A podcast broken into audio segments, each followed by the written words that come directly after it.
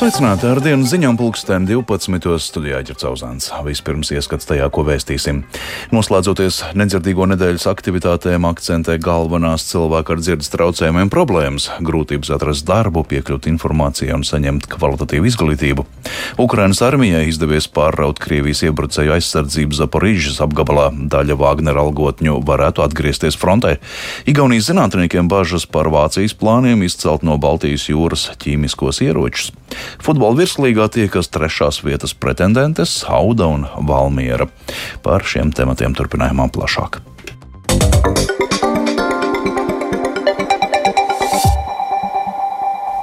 Šodien ir Pasaules nedzirdīgo diena, ko jau daudzus gadus atzīmē arī Latvijā. Ar to noslēgsies nedzirdīgo nedēļa, kuras laikā notika dažādi pasākumi, kuru mērķis - veicināt nedzirdīgo kopienas pilnvērtīgāku iekļaušanos sabiedrībā.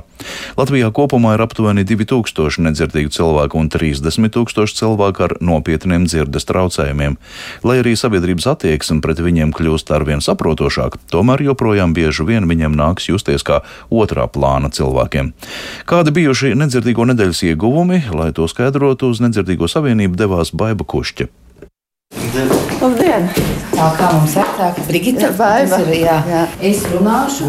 Nedzirdīgo savienības telpās tiekos ar Savienības prezidentu Edgars Vorslovu un viceprezidenti zīmju valodas tulku Brigitu Lazdu, kura mūsu sarunā ir Savienības vadītāja balss. Šī nedēļa sākās ar ļoti plašām aktivitātēm un negaidīja, ka bija tik liela atsaucība no mēdījiem. Vislielākais gandarījums man ir par to, ka arī no ārpuses ir arī interese par mūsu kopienu. Nedzirdīgo nedēļas laikā notika 15 visdažādākie pasākumi Rīgā un vēl astoņās pilsētās - atvērto durvju dienas, diskusijas, tikšanās un kultūras pasākumi.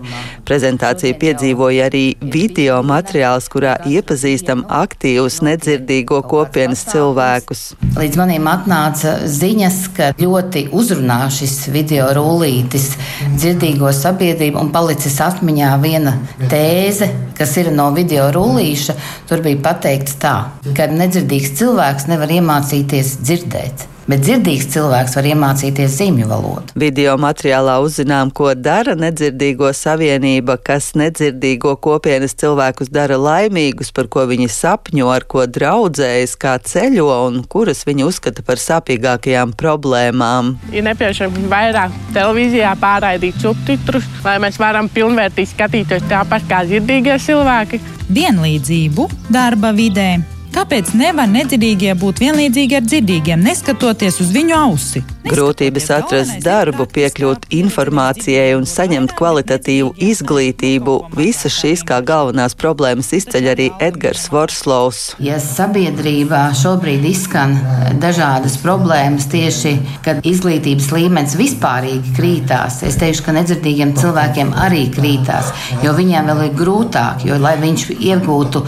kvalitatīvu izglītību, viņam ir jābūt arī pieejamai zīmju valodā. Tomēr soli pa solim, pateicoties arī pašu nedzirdīgo kopienas aktivitātēm, sabiedrības attieksme kļūst saprotošāka un pieņemošāka. Liela artava tajā ir arī dažādiem kultūras projektiem, piemēram, kora balsis iniciatīvai, veidot koncertus ieraugi nedzirdēto, kas kormūziku ļauj izbaudīt arī cilvēkiem ar dzirdes traucējumiem. Balsis patiesībā ir pirmie kas padomāja par nedzirdīgajiem, konsultējās ar mums, kā mūzika, dziesma būtu pieejama tieši cilvēkiem ar dzirdes traucējumiem. Un mēs mēģinājām dažādus variantus, gan ar vibrāciju, gan ar ritmu, gan ar tulkojumu. Arī koncertos pieaicinot zīmju valodas tulku, un tas priecēja, ka arī nedzirdīgs cilvēks var apmeklēt koncertu zāli, būt kopā ar visiem un šo koncertu baudīt zīmju valodā. Zīmju valodu savās norisēs iesaistījis arī teātris festivāls Homo Novus, kā arī festivāls Lampa. Baiba Kušķe, Latvijas radio.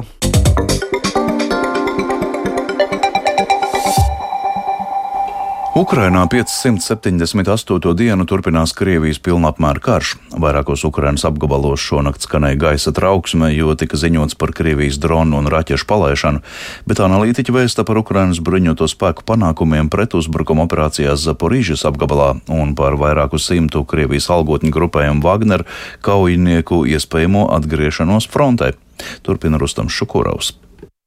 Ukrainas armijas gaisa spēki paziņoja par Krievijas dronu uzbrukuma draudiem Čirņģivas, Zaporižijas un Dņipropetrauskas apgabalu virzienos. Tāpat tika ziņots par atķešu uzbrukuma draudiem Sumu un Helsonas apgabalu teritorijām. Visos šajos reģionos bija izsludināta gaisa trauksme, kas vēlāk tika atcelta. Ukrainas bruņoto spēku ģenerālštābs tikmēr paziņoja par Krievijas iebrucēju īstenoto artilērijas apšaudi Dņipropetrovskas apgabala Nikopolis rajonā. Apšaudē tika ievainots viens civiliedzīvotājs, kurš tika nogādāts slimnīcā. Par to saziņas vietnē Telegram paziņoja Dņipropetrovskas apgabala kara administrācijas vadītājs Serhijs Lisaks. Tāpat Krievijas artilērijas apšaudē postījumi nodarīti vairākām privātmājām un civilās infrastruktūras objektiem, tostarp pirmskolas izglītības iestādēji. Ukrainas armijas operatīvi strateģiskā grupējuma Taurija komandieris ģenerālis Aleksandrs Tarnavskis tikmēr intervijā telekanālam CNN pavēstījis, ka Ukrainas aizstāvjiem izdevās pāraut Krievijas iebrucēju aizsardzības līnijas kreiso flangu Zaporižijas apgabala Verbivas ciemā apkaimē. Tarnavskis arī piebilda, ka Ukrainas armija turpina virzīties tālāk un prognozēja plašāku frontes pārāvumu nākotnē. ASV Domnīcas kara izpētes institūts analītiķi arī paziņoja, ka Ukrainas karaspēks spējas pavirzīties dziļāk Zaporižijas apgabalā. Domnīcas analītiķi norādīja, ka Ukrainas aizstāvji mēģina ieņemt Novoprikipivkas ciemu, kas atrodas pusotra kilometra attālumā uz dienvidiem no iepriekš atbrīvotā Robotenes ciema. Taču Domnīcas eksperti arī atzīmēja, ka Ukrainas karaspēks vēl nav pārvarējis visus Krievijas iebrucēju nocietinājumus Verbijos ciemā apkaimē. Ukrainas karaspēka virzīšanās ātrums frontes līnijas pārāvuma zonā joprojām nav zināms, norādīja analītiķi. Tāpat Domnīcas analītiķu pēdējā ziņojumā minēta iespējamā atkārtotā Krievijas algotņu grupējumu Wagner kaujinieku iesaiste karošanā Ukrainā. Saskaņā ar Domnīcas ziņojumā sniegto informāciju Wagner grupējumam pietuvināts avots pavēstījis, ka aptuveni 500 algotņu ir pievienojušies kādai militārā rakstura struktūrai, ko esot izveidojis bijušais Wagneriešu kadru daļas vadītājs. Kara izpētes institūta analītiķi arī atzīmēja, ka šie kaujinieki visticamāk iesaistīsies kaujās Bahmutas pilsētas dienvidu flangā. Šī informācija liecina, ka Wagner spēki ir sadrumstaloti un maz ticams, ka tie varētu organizēties saliedētās vienībās vai ietekmēt Krievijas kaujas spējas, teikts Domnīcas ziņojumā. Rustam Šukurovs, Latvijas Rādio. Grieķijā šodien norisinās partijas radikāli kreiso koalīcija, jeb Sirīza kongress, kurā notiks partijas līderu vēlēšana otrā kārta. Iepriekšējais partijas līderis un bijušais Grieķijas premjerministrs Aleksis Ciprs atkāpās no partijas vadītāja amata pēc jūnijā notikušajām Grieķijas parlamentu vēlēšanām. Tajās Sirīza zaudēja pašreizējā premjerministra Kirjaka Mitsutaka vadītajai konservatīvajai partijai Jaunā demokrātija. Turpina Rustam Šukurovs. Pēc pirmā Siriza kongresa balsojuma rezultātu apkopošanas vadībā izvirzījās divi partijas līdera amata kandidāti. 35 gadus vecais un Grieķijas politikā mazpazīstamais kuģniecības investors Stefanos Kaselakis un 38 gadus vecā ilgadējā Siriza biedre un pieredzes bagātā politiķe Efija Ačcioglu. ASV Pensilvānijas Universitāti absolvējušais Kaselakis ir bijušais investīciju bankas Goldman Sachs darbinieks un kuģniecības kompānijas Swift Balka dibinātais. Savukārt Ačcioglu ir bijusī nodarbinātības un sociālo lietu ministre, kas šo amatu ieņēma laika posmā no 2016. līdz 2019. gadam. Igaunijas zinātnieki neslēpj bažas par Vācijas nodomu attīrīt Baltijas jūru no munīcijas, kas tajā uzkrājusies divu pasaules karu laikā. Tur apglabātas arī desmitiem tonu ķīmisko ieroču un dažādas indes. Par to raksta Igaunijas sabiedriskais medijs, atsaucoties uz ziņām izdevumā Politico. Vācija nesen darīja zināmu 100 miljonu eiro vērtu programmu, kuras mērķis ir izcelt no Baltijas jūras dzīlēm munīciju un ieročus. Dažādās tilpnēs esošie ieroči un ķimikālijas izraisījuši zinātnieku strīdus par to, cik droši ir aizskart teju simt gadus dzelmē esošos bīstamos krājumus. Viens no lielākajiem ķīmisko ieroču krājumiem esot apglabāts Bornholmas salas tuvumā, un tas ir tikai 20 km no gāzes vada Nord Stream. Mēneša beigās Lietuvā Palangā plānota šiem jautājumiem veltīta Eiropas Savienības ekspertu konference.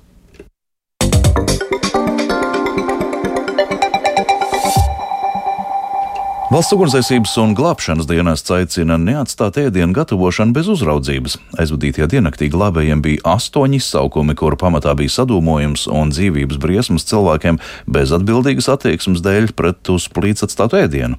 Turpina valsts ugunsdzēsības un glābšanas dienesta pārstāvs Sandra Vējiņa. Bez uzraudzības uz ieslēgtas plīts atstāts katliņš vai panna var ātri piedegt, sākumā radot spēcīgu sadūmojumu, bet tālāk karstuma ietekmē aizdedzinot sadzīves priekšmetus un virtuves mēbeles. Saulaicīgi, nepamanot ugunsgrēku izcelšanos, liesmas pārņems virtuvi un visu mājokli. Tādēļ ugunsdzēsēji glābēji atgādina: neatstājiet bez uzraudzības uz ieslēgtas plīts gatavojamies ēdienu. Labākajā gadījumā šādas rīcības sekas būs piededzis katliņš un smakojošs dzīvoklis, bet sliktākajā mājokļa iemītnieki var sēlpoties dūmus un gūt veselības traucējumus.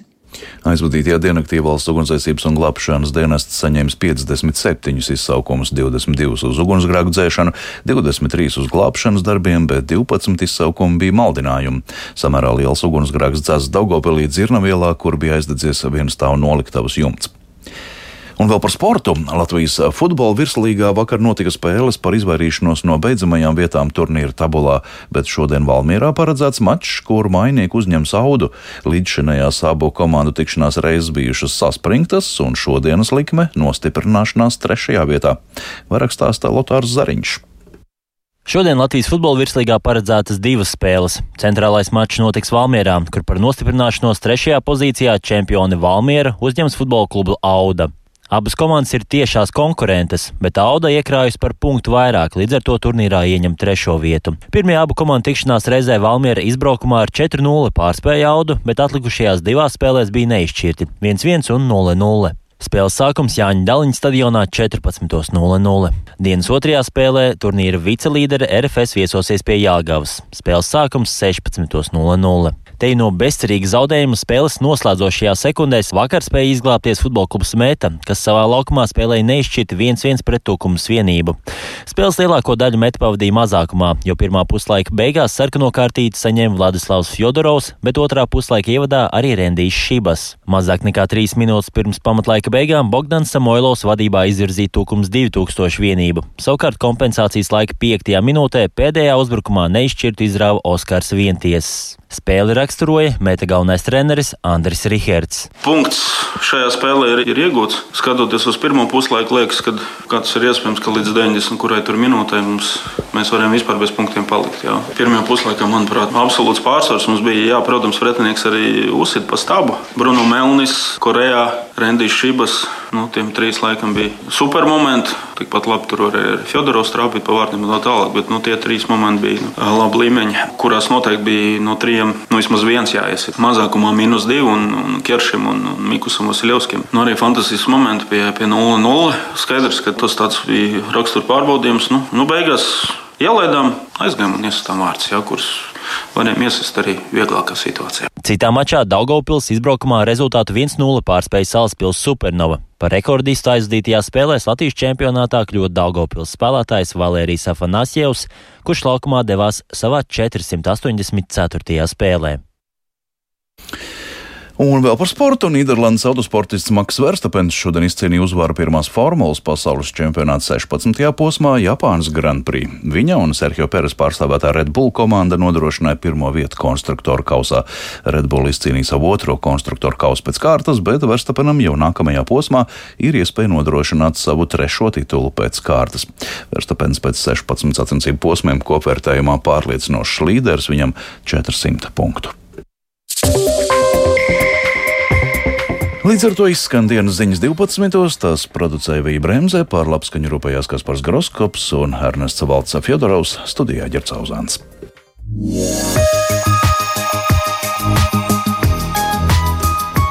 Kā ziņo Latvijas vidas geoloģijas un meteoroloģijas centrs, Rīgā šobrīd 16 grādi, rietumvējš 4 m2, atmosfēras spiediens 768 mm, relatīvais mitrums 80%. Šodien Latvijā mākoņdienas laiks pēcpusdienā gan pamazām no rietumiem skaidrosies, dažviet iespējams neliels īslaicīgs lietus, rietumu vējš 3 līdz 8 m2.